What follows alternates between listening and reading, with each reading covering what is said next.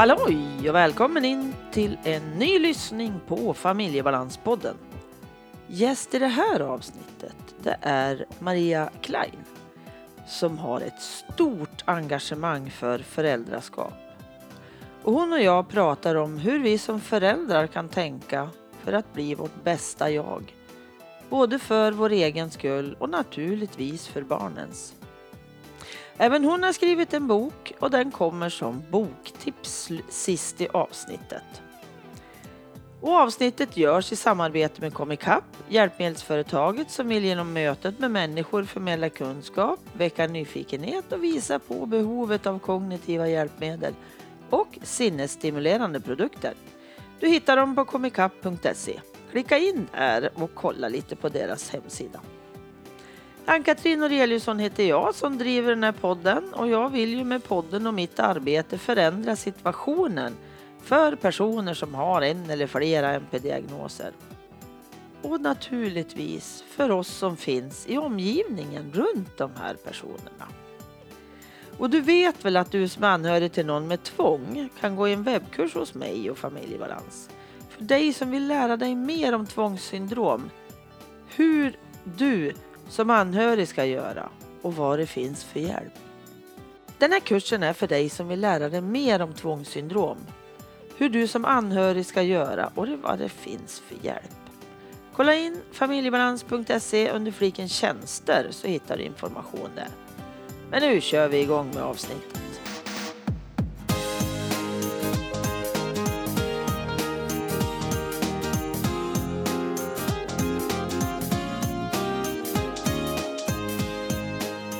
Hej Maria! Hej Ann-Katrin! Och välkommen till Familjebalanspodden! Tusen tack för att jag får vara med! Det ska bli så kul att ha dig med och få höra lite runt dina tankar på föräldraskap. Mm. Och eh, först så vill jag att du berättar lite om vem du är. Lite historik om dig Maria.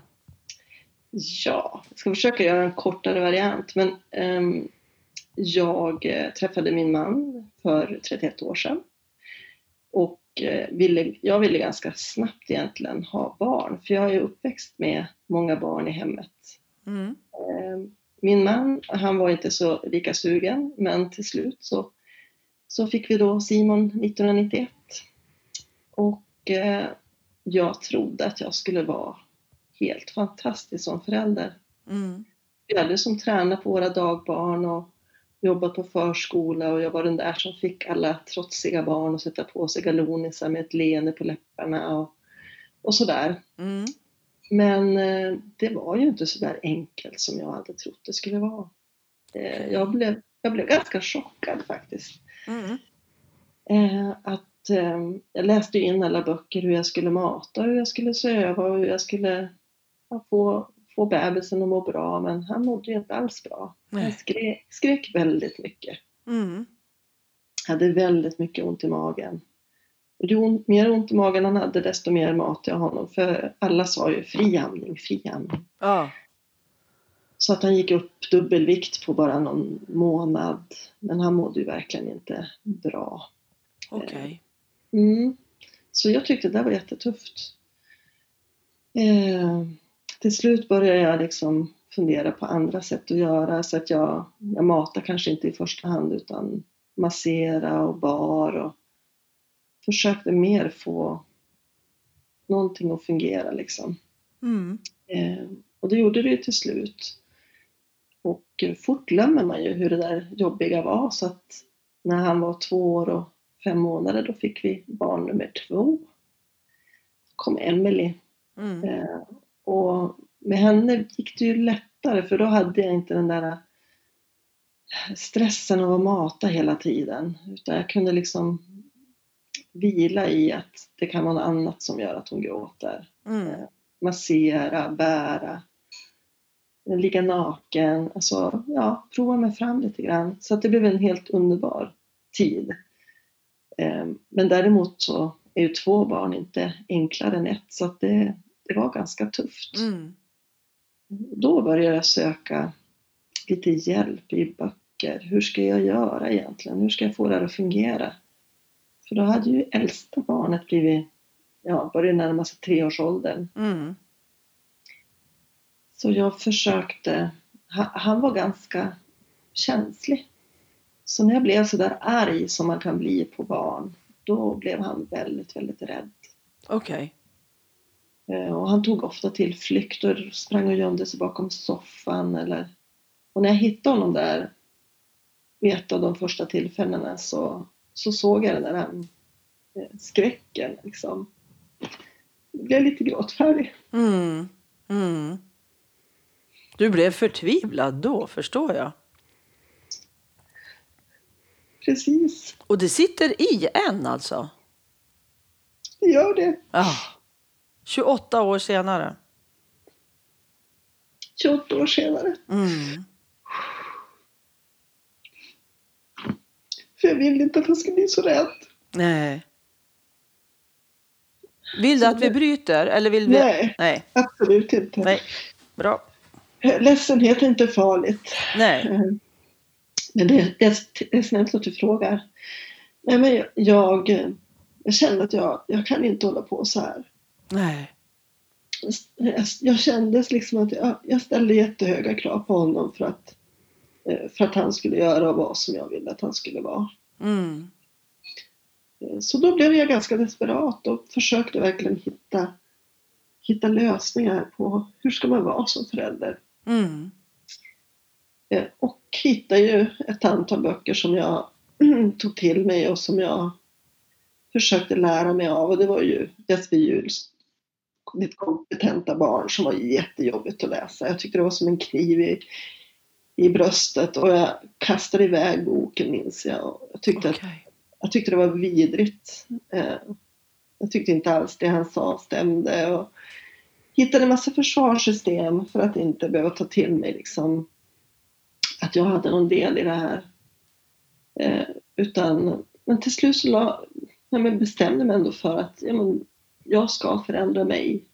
Det är inte mitt son som ska förändra sig utan det är jag som ska förändra mig. Mm. Eh, och då tog jag också hjälp av en lite mer, eh, vad ska man säga, en mjukare bok som heter Växa med ansvar av Barbara Coloroso från USA. Mm. Eh, och med hjälp av de två böckerna egentligen så, så börjar min förändringsprocess. Eh, och det, det är ju tufft, det tar ganska lång tid. Men eh, det är ju värt det, känner Mm. jag. För jag tror inte att, jag tror att jag hade slutat med, alltså efter två barn tror inte jag att jag hade skaffat fler barn faktiskt. Om jag hade fortsatt som jag, Nej. som jag var inne på. Eh, Så jag kommer ihåg att jag skrev lite dagbok på den tiden och kommer ihåg hur jag skrev liksom om hur jag ville börja tänka om, hur jag ville eh, men lugna mig mer och Mm. vara mer nyfiken och acceptera att barn är barn, att de gör inte som man säger hur mycket man än säger att de ska göra som man säger. Och att det är inte för att de är jävliga utan för att de faktiskt inte kan bättre. Nej. Eh, Så att det blev en jättestor förändring för mig. Och jag började läsa på universitetet Service Management 20 1997, så då var ju yngsta sex år. Eh, Och då lä- läste jag jättemycket ledarskap, organisation och hur man ska vara en bra ledare och hur man ska entusi- entusiasmera sina medarbetare, hur man ska frigöra deras potential och allt det där jätte, jättefina Mm. som var väldigt populärt då, att man skulle vara en, en bra ledare, inte vara en auktoritär ledare. Nej. Eh, och när jag gick den utbildningen så fick jag mer och mer aha-upplevelser av att liksom, det finns ju likheter mellan det här. Hur man kan coacha sina barn att Mm. må så bra som möjligt. Eh, så började jag jämföra det och skrev jätte- jättemycket, började blogga och Mm. och sådär. Eh, Så jag kom hem från England 2001 och då gjorde jag mina uppsatser på universitetet om ledarskap. Mm, Först rektorsrollen som ett komplext ledarskap och sen gjorde jag om lite uppsatser om, jag läste psykologi, arbetsorganisationspsykologi och så gjorde jag uppsatser om skolan och annan medarbetarundersökningar och sånt där. Mm. För jag tyckte det var intressant. Eh, och till slut så blev det så att eh, jag hade helt plötsligt fyra barn och det fjärde barnet skulle börja förskola. Eh, han var två och ett halvt då. Och då kände jag att jag ville hålla på med något som betydde mycket för mig så att jag kunde lämna mitt barn för förskola med en glädje över att jag skulle gå till ett jobb. Mm. Eh, Så att det inte blev så att jag gick till ett jobb som jag inte ville gå till och, och det blev liksom inte, inte bra. Så då startade, eh, sökte jag en, en utbildning som gruppledare inom ett föräldrastödsprogram och så startade jag företaget då 2007. Och på Mm. den vägen är det. Så nu har jag hållit mycket föreläsningar, eh, Mm. föräldra, föräldraprogram och haft samtal med föräldrar och pedagoger, Mm. haft studiedagar. Ja, på den vägen är det egentligen. Mm. Och numera sitter jag ju här med, med fem barn så att mitt yngsta barn är nio år. Mm. mitt äldsta fyller ju 28 nu då Mm. I september. Precis. Mm. Vad heter företaget? Familjecoaching i norr. Okej. Mm. Yes. Ja, för du bor norr om mig till och med. Det är inte så ofta. Jag Eller har, hur? jag har poddmänniskor med, eller poddgäster med mig som bor norr om mig. De flesta bor faktiskt söder om mig. Eller hur? Mm. Jo. Precis. Men det där är liksom vägen fram till att du startade ditt företag. Och äh, jag går ju direkt över mot det här med alltså vad många reflektioner du har gjort Mhm. på vägen Absolut. för att hitta ditt sätt som du kan vara stolt över. De flesta dagarna. Exakt, det var bra att du la till de flesta Ja, dagarna. för alla dagar är man ju inte det. Nej, precis. Och det är ju så att vara människa. Mm. Man, gör så gott man kan men, men jag tycker att det är viktigt att man, att man reflekterar och tar ansvar som vuxen. Mm. För det kan inte barnen göra. Nej, precis. Och lite det där får man ha med, tänker jag, hela vägen. För jag pratar ju väldigt ofta om NPF genom att det är min, Mhm. min sida då. Och just det här att de barnen har ju ofta ännu svårare än om jag inte har NPF. Mhm. Och jag som förälder får ju vara så reflekterande över mig själv. Och man misslyckas ju så jäkla många dagar alltså Mm. i sitt föräldraskap och det kan ju knäcka en fullständigt, vilket det gör för många för att man hittar inte sin roll heller. Nej, precis. Och det är svårt. Det kan vara riktigt, riktigt svårt. Mm. Och det är ju redan bara av att få barn. Alltså få möjligheten att uppfostra barn Mm. i, i vilka funktionsvariationer de än har. Om de är alldeles vanliga barn om man säger eller lagoma barn eller om de har en problematik på något sätt. Det är ju svårt alla delar. Men Precis.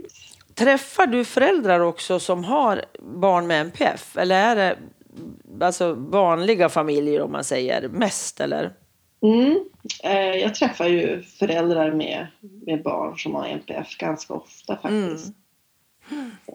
Jag föl, brukar följa med en del familjer på samtal i skolan och sådär. Mm. Och där kan man ju se att det är ju jättemycket kunskap som saknas hos alltså skolor, Mm. pedagoger. Sånt som skulle kunna underlätta jätte- jättemycket för många barn, även de barn som kanske inte har en di- diagnostiserad NPF, men, men som ändå har problem med, med höga ljud eller Mm. ja, sådana saker. Precis. Jo men det gagnar ju alla egentligen. Mm. Det är det som jag, det är väl det, det jag är mest stolt över när det gäller liksom det föräldraskap som, som jag själv har anammat och som, som jag är stolt över. Det är ju att i och med att det här inte innehåller så mycket bestraffning och belöningar så, så kan man ju använda det egentligen i alla relationer. Mm. Och, och, och att det passar de flesta eh, oavsett vad man har för, för funktionsvariation egentligen. Mm. Att det handlar mycket om att, att lyssna och bekräfta och Ja, finnas exakt. där och vara tillåtande. Och nyfiken tänker jag.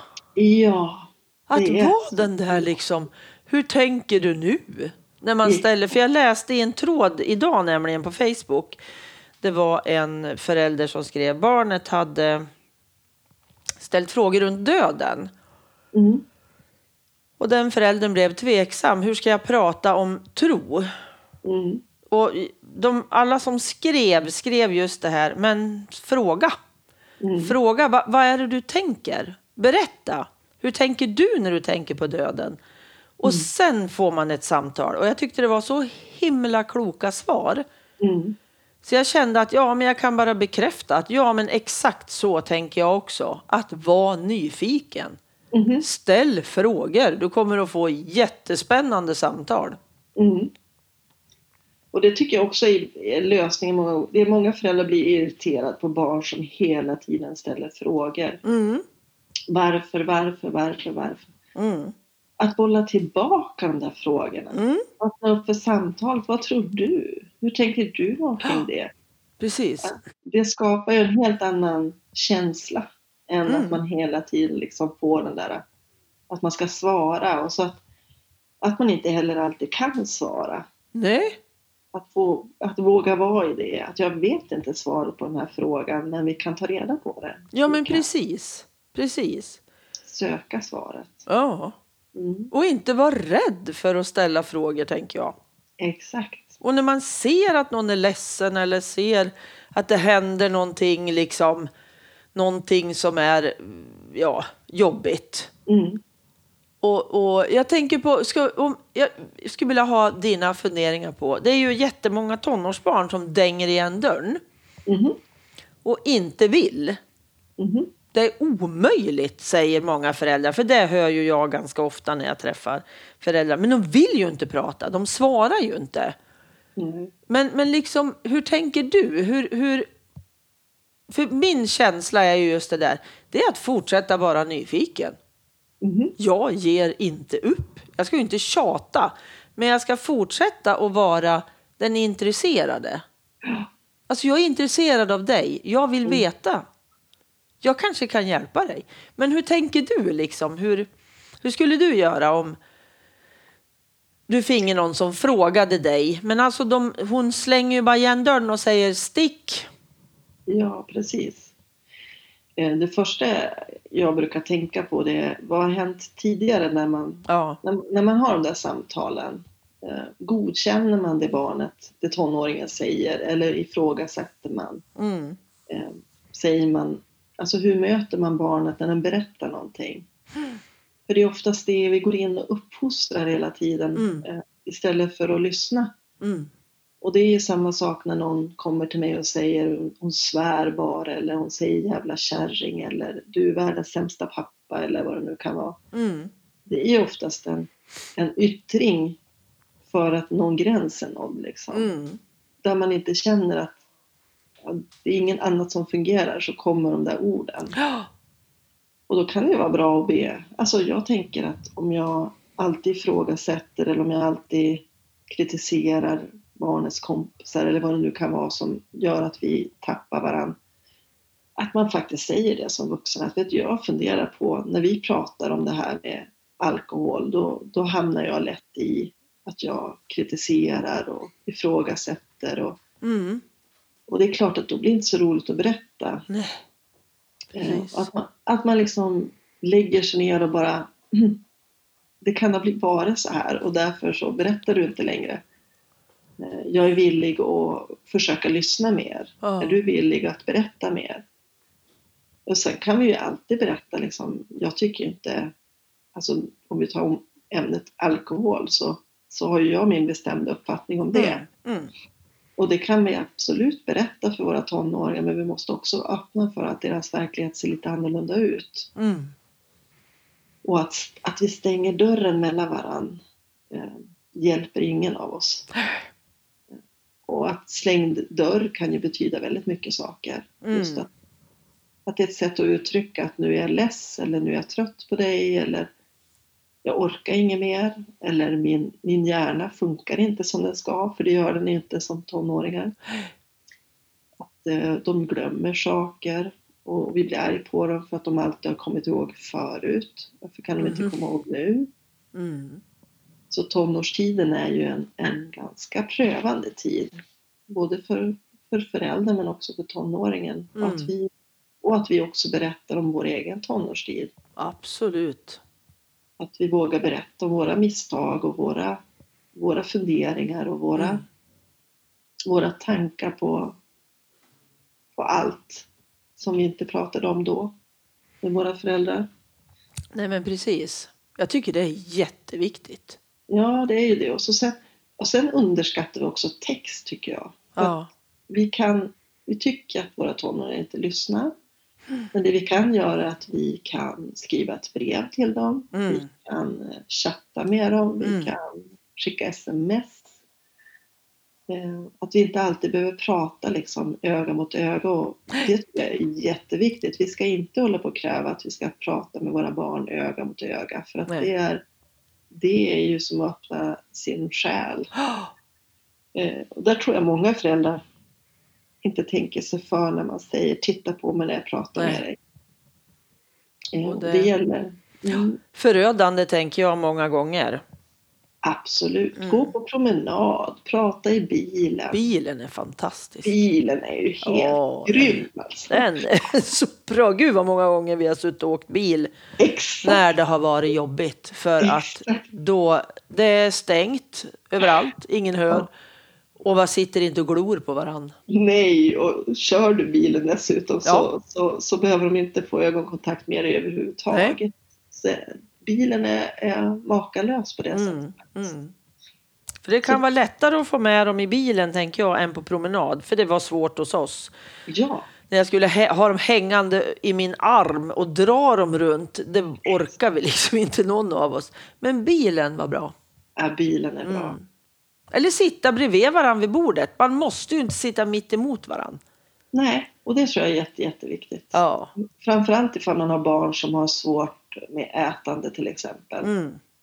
Att man inte sitter mitt emot och, och dömer liksom, hur mycket tuggar, hur mycket stora tuggar, vad de äter. Nej, precis. För det, det är precis sånt som stoppar kommunikationen istället för att öppna upp kommunikationen. Ja.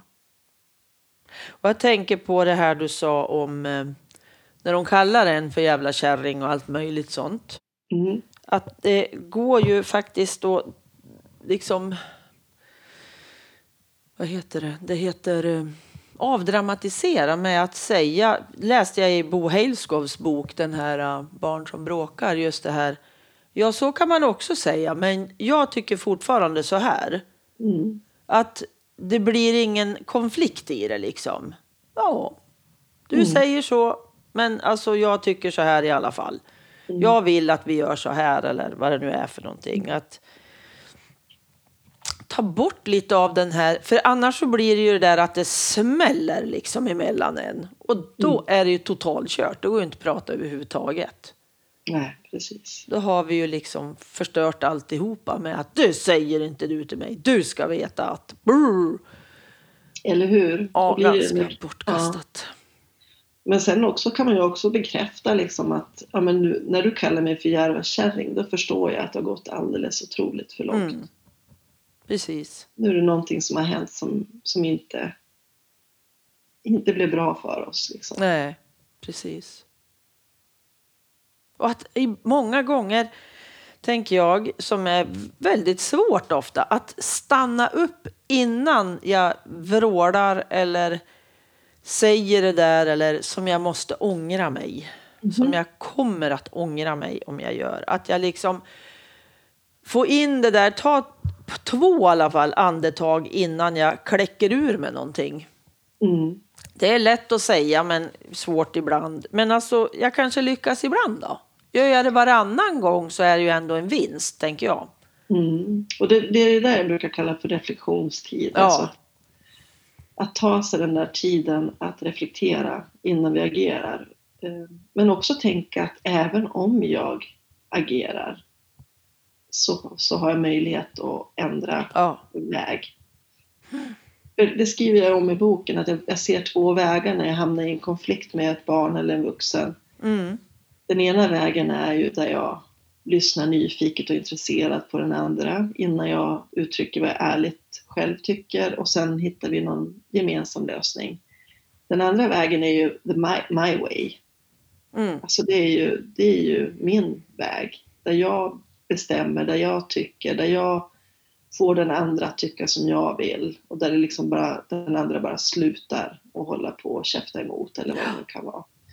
Och även om jag väljer my way så finns det så fantastiskt många avtagsvägar. Mm. Det enda som behövs är att jag stannar upp och reflekterar Mm. och tar, tar ansvar. Eh, och försöker nå kontakt igen. Mm. Och det är ju inte alltid den där kontakten nås på en gång. Jag vet att vi, jag och min äldsta dotter, vi hade en konflikt för, för ganska länge sedan där, där jag upptäckte att jag hade ju inte betett mig så bra och jag ville be om ursäkt. Och där jag inser att, att mitt mål att bli ursäktad blev högre än att hon skulle känna sig förstådd. Mm. Och där hon så klokt sa till mig att eh, jag kan inte förlåta dig förrän jag känner att jag kan förlåta. Det tycker jag var så himla bra. Mm. Eh, att ja, vi kommer på att vi gjort något dumt eh, och vi, vi ber om ursäkt betyder inte att barnet kommer att säga ja, absolut mamma. Jag vet att du, du är inte mer än människa. Det är klart att du får göra fel. Mm. Utan att det kan ta tid. Ja, precis. Och att då också liksom stanna kvar i det. Mhm, Att Precis. nu är det så här. Ja. Ja, Och inte gaffla vidare tänker jag liksom. Att man Precis. ska ha sitt, jo men alltså snälla bla bla bla och så och så. Utan Mm. nej, okej. Mm. Vi stannar där nu liksom och så är vi där. Mm. Och det är ju de tillfällena och många andra tillfällen också där, där vi, vi kan liksom inte lägga ansvaret på barn att ta hand om oss när vi inte känner, känner oss tillräckliga. Utan där är det ju upp till oss att ge oss själv det vi behöver. Mm. Och, och där tycker jag att det här med självmedkänsla har blivit så himla bra och faktiskt jättemycket i vår familj. Att, Ja. att ge sig själv den där stryka sig själv på armen och säga att ja men nu, nu blev det så här men du, du gjorde verkligen så gott du kunde. Mm. Eh, Och ta hand om sig själv helt enkelt. Mm. För det är ingen annan som kan ta det ansvaret. Utan Nej. vi gör det själva. Och vi behöver återhämtning och speciellt Mm. i, i, alltså det behöver ju alltid. Precis. Men i de här situationerna där det är ganska tufft, då är det jätteviktigt att vi verkligen har självmedkänsla och tar hand om oss själv och gör något bra. Och Mm. poängterar även för oss själva att ja, men idag så lyckades jag. Igår gick det inte så jädra bra, men idag gick det faktiskt bra. Att Exakt. jag liksom är nöjd med mig själv också i, i olika delar. Mm. För det är ingen idé att slå på sig själv. Nej, verkligen inte. Det leder ingenstans. Nej, det gör inte det. Mm. Jag tänker på det här med, vi pratar lite grann om bestraffning och belöningsdelar. Mm. Jag skulle vilja ha din bild av bestraffning, det fattar vi väl de flesta i alla fall, att det är ju värdelöst. Jag vill ju inte ha ett barn som bara nickar och säger ja i hela sitt liv sen, utan det, det tror jag att många förstår. Men det här med belöningssystem har ju varit väldigt populärt periodvis.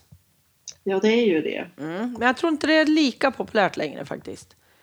Nej, men eh, samtidigt så jag håller på med fotboll och hockey till exempel. Ja, okej. Och där kan man ju märka att det fortfarande finns en del föräldrar som ger barn belöningar när de gör mål till exempel.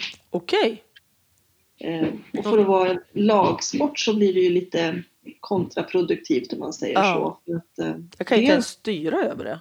nej, dels så kan du inte styra över motståndet, hur, hur mycket motstånd du har. Eh, och sen är det ju det att du inte passar bollen eller pucken. För att om du gör det så, så får du inte belöningen. Nej, nej, nej, nej. Och det Den ska tredje, jag själv.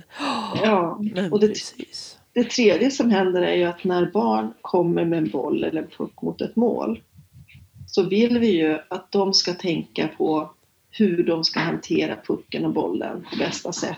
Om de nu tycker det är roligt att göra mål. Mm.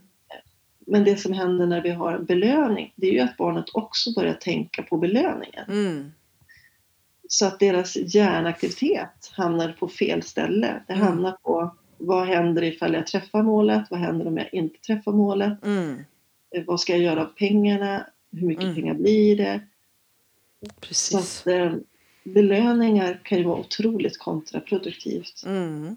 Och framförallt så när du inte får belöningen så är det ju en bestraffning. Mm. Så att myntet har ju en annan sida. När du Mm. inte får belöningen så upplever du det som bestraffning. Mm. Så det är, ja.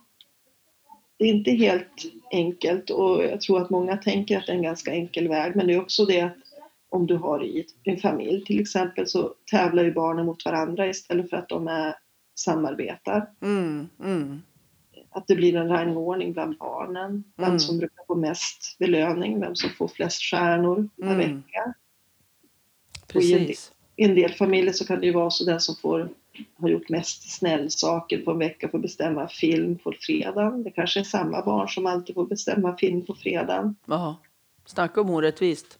Ja, så att man bygger upp en konkurrenssituation i familjen. Jag, vet, jag läste för flera år sedan, då var det mamma som sa att det är så härligt nu för nu är det så städat hemma. För barnen tävlar om vem som städar bäst. Mhm. Eh, ja, och det, då vet ju barnen vet ju om det är som städar bäst. Det är den Mm. som får flest stjärnor liksom. Mm. Och jag vet inte, jag kan tycka att det blir lite konstigt. Och sen hörde jag om en flicka som, eh, som sa det, att hon ville göra ett belöningssystem till sin pappa. Mhm. Eh, för De, de hade väldigt mycket konflikter så att varje dag som varje dag som han inte tjatade på henne så skulle hon, han få en stjärna. Och när han hade fyllt den här ormen med stjärnor då skulle han slippa henne en hel dag. Oh. Okej. Exakt, låt den landa liksom. Åh fy fasiken. Ja. Gräsligt. Det blir ju gräsligt. Mm. faktiskt. Och det är många som säger till mig så här, ja men i samhället sen så kommer det ju vara, jag menar lön är ju belöning och du vet allt det här. Mm. Absolut, när de blir vuxna kommer de att möta alla dessa förbaskade system liksom. Mm. Men betyder det att de måste ha det i vår familj för det? Mm. Nej. Eller kan det vara så att de ska få växa upp utan att bli bedömda konstant för Ja. huruvida de presterar bra eller inte? För Precis. Tids, tids nog kommer de ändå uppleva det. Ja, och det räcker. Och det räcker liksom. Mm. Jag tycker det. Precis. Mm. Jag tittar lite ner i din bok nu. Var inte nämnt vad din bok heter. Just det. Se och bli sedd. Precis. Ömsesidig respekt i mötet med barn. Mm.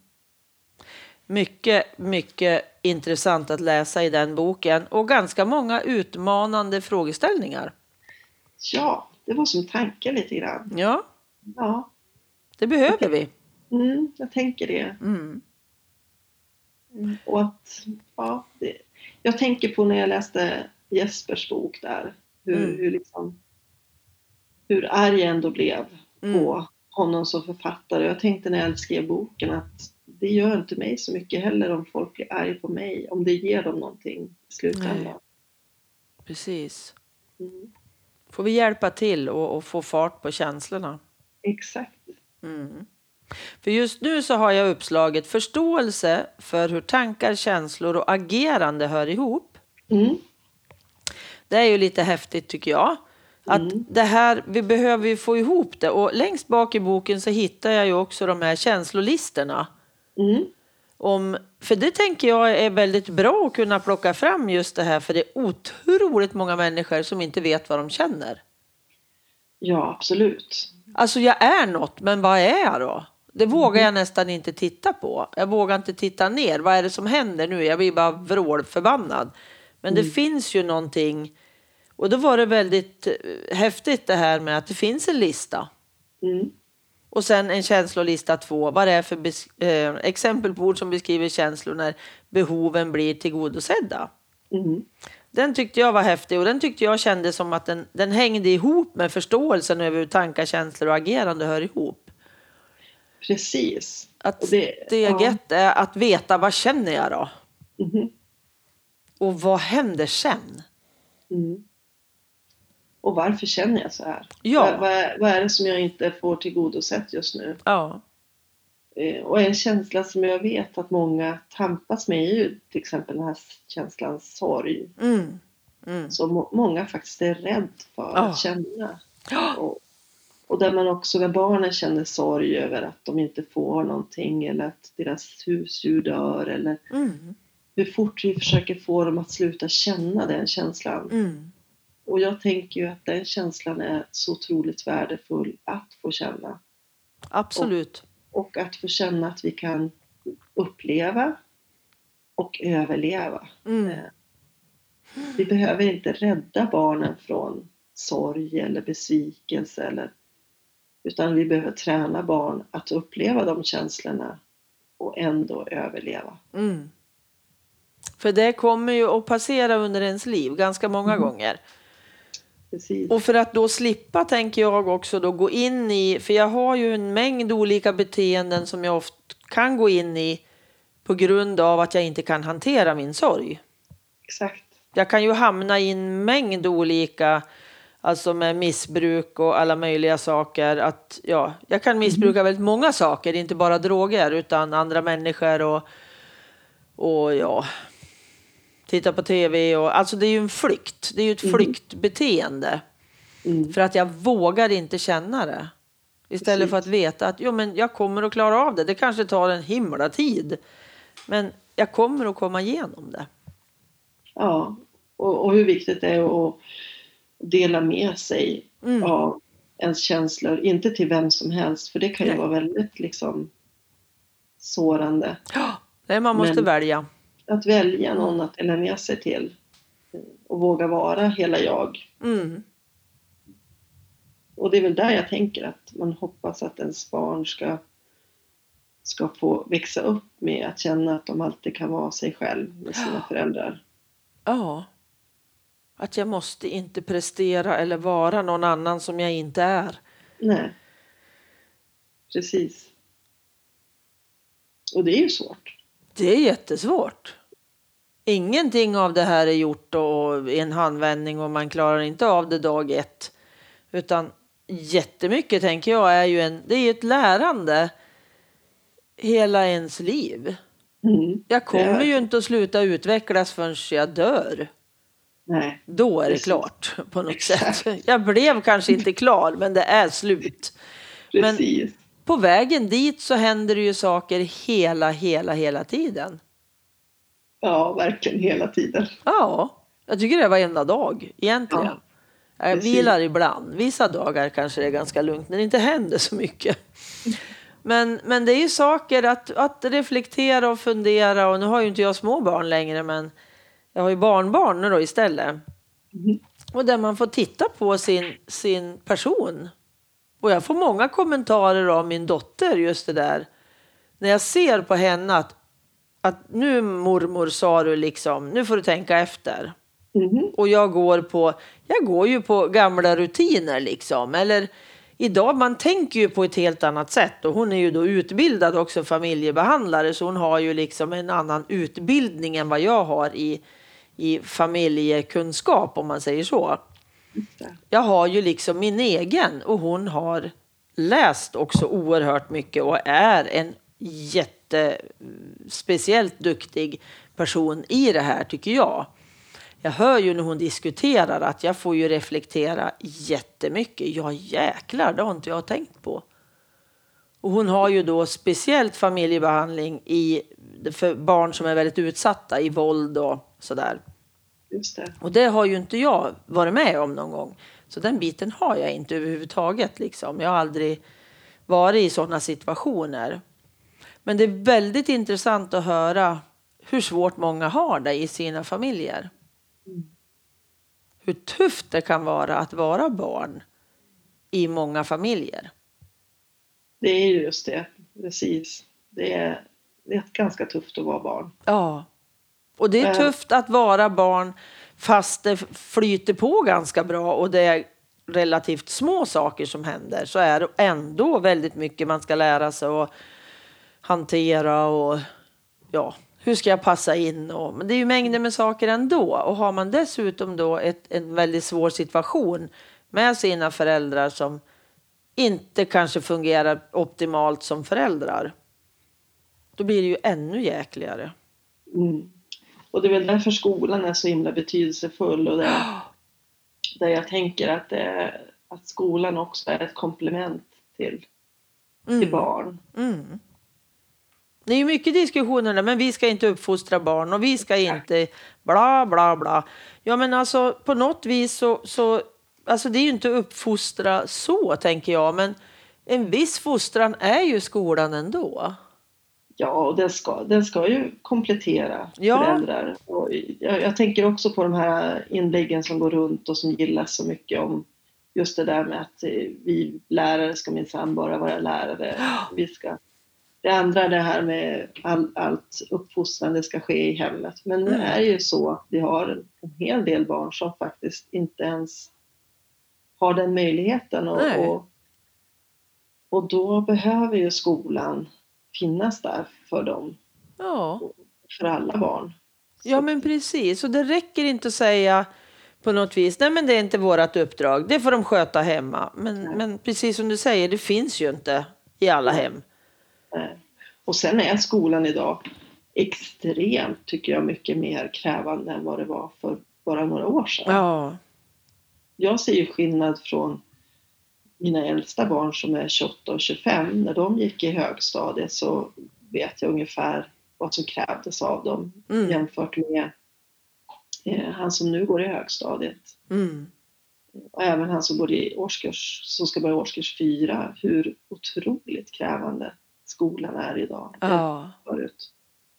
Ja, den går lite åt fel håll ibland tycker jag. Att det blir ännu tuffare för barn som har det svårt. Ja, Med inlärning och, och koncentration och alla de här delarna som ingår då i NPF. Så Mm. blir det bara tuffare för dem tycker jag. ja. Och då har vi ju det där med betyg i fyran till Ja. exempel. Som, som inte kommer att tjäna det syfte som det var tänkt. Så Nej, barn inte ett dugg. redan tidigare blir medvetna om hur utsatta de är. Ja, Och hur, hur, hur lite de kan leva upp till de förväntningarna Mm. som skolan kräver. Så det, det är tufft att, eh, att det ens finns på kartan att vi ska ha betyg från årskurs fyra. jag tycker det är helt galet. Ja. Jag tror jag hade betyg i ettan, ja. Kristendomskunskap och vad sjuttsiken man hade för någonting. Och då var det ju, alltså det var ju helt bortkastat. Det är ju så dumt så det är inte klokt. Jag hade betyg först i åttan. Jaha, ja, du är mycket yngre än jag. Ja, men, men det är ju också, det, det säger mig en hel del. Jag tycker inte att vi inte gjorde saker i skolan fram till årskurs åtta bara för att vi inte hade betyg. Nej. Jag tycker att mina klasskompisar och jag kämpade på väldigt Mm. väl utan att vi blev betygsatta. Precis. För det är många som tycker det att ja, men betygen är en morot. Ja, fast det gick ju faktiskt att prestera innan vi hade betyg i årskurs fyra. Mm. Ja, men absolut. Ja, jag ser inte heller någon vits överhuvudtaget med betyg i fyran. Det kan jag inte påstå. Nej. Mm. Nu har jag hoppat en bit till i boken. Mm. Nu är jag inne på det här som vi pratade lite om i början, att se på barnet med nyfikenhet. Ja. Och då tänker jag så här, vad tänker du runt ordet trots? Mm. Det tycker jag är spännande. Ja, det är ju det. Eh, Och det var där jag var lite grann när jag började min förändringsprocess. Att jag tyckte att min son var trotsig. Att han Mm. inte gjorde som jag sa. Att han inte... Ja, så. Eh, Och det var ett ganska vanligt ord då att använda. Mm. Man hade trotsiga barn. Alla visste vad det var. Ifall man sa att man hade ett trotsigt barn så visste alla precis hur det stod till. Mm. Och där var ju Ditt kompetenta barnboken eh, en öppning för mig. Jag började se på trots som självständighetsprocess. Alltså ett sätt för barn att bli självständigare och berätta för världen vem de är, vad de tycker, vad de tänker, vad de känner. Och det gör ju att jag blev mycket mer nyfiken på alla nej. Jag blev mycket mer nyfiken på när det inte blev som jag hade tänkt.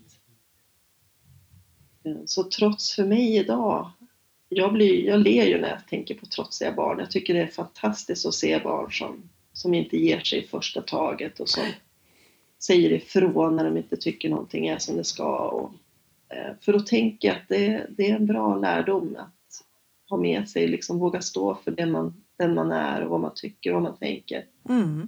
Sen kommer de med tiden att förstå att vi behöver också tänka på vad andra tycker och tänker och, och så, men, men när de är i den där åldern så är de ju så centrerade på sig själv så att det är inte så konstigt att de, de bara finns där och liksom tycker saker som gagnar dem så att säga. Nej men precis. Så där får vi ju hjälpa dem, men att, att möta trots med mer nyfikenhet och mer bekräftelse och, och sätta ord på känslorna som barnen känner när de inte får som de vill och så. Mm. Det tycker jag har berikat mitt liv så otroligt mycket. Mm. Och det tänker jag på även när jag träffar trotsiga vuxna faktiskt. Ja men precis. ja, Ja, exakt. att där är en person som jag får lära känna verkligen. För den berättar vad den tycker och tänker. Ja. Och jag vet ju själv också att jag är just definitionen av trotsig vuxen. Att jag är en sån som tycker och tänker eh, ganska öppet. Mm. Kanske inte ger mig första taget. Kanske är obekväm. Kanske inte blir så älskad alla gånger. Nej, man blir ju inte då när man, så när man tycker saker. Men är det viktigt för en så får det ju vara så, tänker jag. Ja, och jag brukar tänka ofta så blir det så när det gäller barn. Alltså, eh, att jag kan tycka att barn ska bli behandlade på ett bra sätt och då, Mm. Då kan jag faktiskt stå ut med att jag inte blir så gillad ifall barnen får det bättre. Mm. Ja, men precis. I ditt Mm. arbete. Ja, i mitt arbete men också i, i skolor och i Mm. idrottsverksamhet. Att, ja, jag vet att jag tycker som jag tycker och det, det står jag för. Mm. Mm. Det står så fint här en bit in i, i eh, det här kapitlet.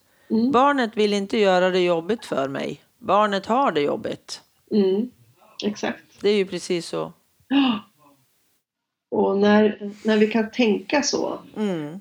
så får vi en helt annan process i vårt huvud som, Mm. som kan leda till mer kontakt. Jag tänker fortsätta under den här Mm. eh, som du skrev. Eller som står i boken. Det där barnet vill inte göra det jobbigt för mig utan barnet har det jobbigt. Så står det. Om du tänker att barnet gör så gott det kan och ännu inte har utvecklat alla förmågor för att kunna förmedla tydligt vad det vill. Vad händer med dig då? I situationer som du tidigare skulle ha förklarat med trots. Mm. Och vilka känslor upplever du? Hur skulle du vilja göra? Mm. Det här är ju såna här bra frågor tycker jag att ställa sig själv och de får man ju via boken. Mm. Det tycker jag är så bra alltså. Jag gillar frågeställningar för det händer så mycket i en när man får en fråga. Ja, men sen, sen är ju den stora utmaningen, det är ju faktiskt att svara på frågan. Ja, men man Mm. kanske inte måste svara på den i den sekunden man läser den. Nej, absolut inte. Det här är ju en process tänker jag. Det här är något som måste jobba i en och jag måste, och gärna tillsammans med andra tänker jag. Exakt, och det är det jag önskar, att man, att man liksom delar det med någon. Ja, Eh, Och sen vet ju jag att det är ganska mycket frågor och man ska sitta där och svara. Jag har gjort det själv på alla frågor. ja, Det tar ju tid. Eh, ja. Men eh, och då försökte tänka ut liksom, hur ska jag kunna göra det här på ett bra sätt och då blev det ju den här vägledningskortet till slutet. Mm. Där man ändå samlar lite grann av de svar som man svarar. Som kanske kan hjälpa i, i stunden när man är där Mm, mm, och funderar på. Mm. precis. Men hela syftet med att skriva boken var lite grann att man ska skapa sin egen, egen bok. Hitta sitt Sin- eget. Ja. Ja, hitta sitt eget förhållningssätt. Så att man inte... Det är så lätt att man styrs av någon annan. Mm, mm. Och Men- frågar 25 och så har man fått 25 svar. Exakt. Och det viktiga är att hitta det som känns rätt för, för just för just dig som läsare eller som förälder Ja. eller som pedagog. Precis. Eh, Men sen måste jag säga att det, det går inte att skriva en bok utan att man har fått till sig mycket kunskap. Och jag har försökt så gott jag bara kan och, och källhänvisa på Mm. alla de ställen jag kan. Eh, Och just det här med känslolistor och behovslistor och det, det kommer ju faktiskt från non-violent communication, att man har de där listorna. Så där är ju bra att man kan söka mer kunskap om man vill liksom fördjupa sig i det. ja men precis. Det är ju tanken lite grann att man ska kunna söka sig vidare och hitta fördjupningar på det som man tycker verkar intressant. Eftersom jag inte fördjupar jättemycket i varje del så. Nej men det är väl jättebra tycker jag för då går man ju vidare själv i det som Mm, är viktigt för mig. Eller känns spännande eller nödvändigt. exakt. Så. Är det något mer du vill lägga till innan vi lägger på? Ja, alltså jag tycker ju det här med ömsesidig respekt tycker jag är väldigt intressant med Mm. att ha i, i tanken att behandla barn så som man själv vill, skulle velat bli behandlad. Inte hur man själv blev behandlad, men hur man själv skulle ha velat bli behandlad i den situationen Mm. som man är i. För det tror jag är viktigt att ta med, att vi kan liksom förändra också eh, vår egen barndom. Att vi, vi kan tänka till och inte göra exakt likadant. Nej. Bryta mönstren. Att vi kan byta mönster och att det är, det är vårt ansvar att göra det. Ja. Precis. det Och tänka även utanför sig själv tänker jag. För Mm. att har du ett barn med, alltså du själv har grav ADHD och så har du ett barn som har diagnos autism. mm. Då behöver du ju tänka på ett helt annat sätt. Mhm. Då räcker det ju inte att bara tänka utifrån vad hade jag velat haft. Nej, För precis. där behöver jag ju tänka ett steg längre. Ja, och det är ju det som egentligen är ömsesidig respekt. Ja. Det är att behandla den andra så som den vill bli behandlad. Ja, vad den behöver liksom. Och i det här, precis, i det här fallet så är ju, barnet vet inte hur den vill Nej. bli behandlad. Utan då måste vi också ta reda på Mm. hur möter jag bäst Mm. ett barn med autism. Precis, för då får jag söka kunskapen liksom. Exakt. Och Så. fortsätta vara nyfiken Ja. på den kunskap som kan hjälpa er, er relation. Och er. Precis. Mm. Mm. Kul att få vara med! Åh, vad roligt det har varit. Och jag tycker det är så jättespännande det här så det är inte klokt. Jättekul. Får vi se om vi tar några fler poddsamtal framöver. Det Ja. vet man ju aldrig. Jag vet aldrig. Nej. Så kan det bli. Jajamän. Tusen tack Maria för att du ville vara med. Tusen tack för att jag fick vara med. Mm. Ha det så bra. Ja, men ha det bra. Tack. Tack. Hej då. Hej då.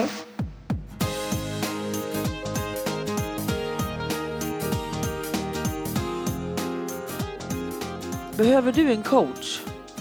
Någon som handleder din personal till ett hållbarare arbete kring personer med NPF? Eller känner att en föreläsning om NPF skulle lyfta er situation på din skola eller arbetsplats? Då finns jag för dig. Boktipset. Se och bli sedd. Ömsesidig respekt i mötet med barn. Maria Klein. I boken delar familjecoachen Maria Klein med sig av sin erfarenhet som föreläsare, kursledare, coach och mamma. Hon berättar med både humor och allvar om egna och andras utmaningar, framgångar och bakslag. Du uppmuntras att utforska och lita på din inre kompass. Tack för att du lyssnat. Tack till Pelle Zetterberg för musiken.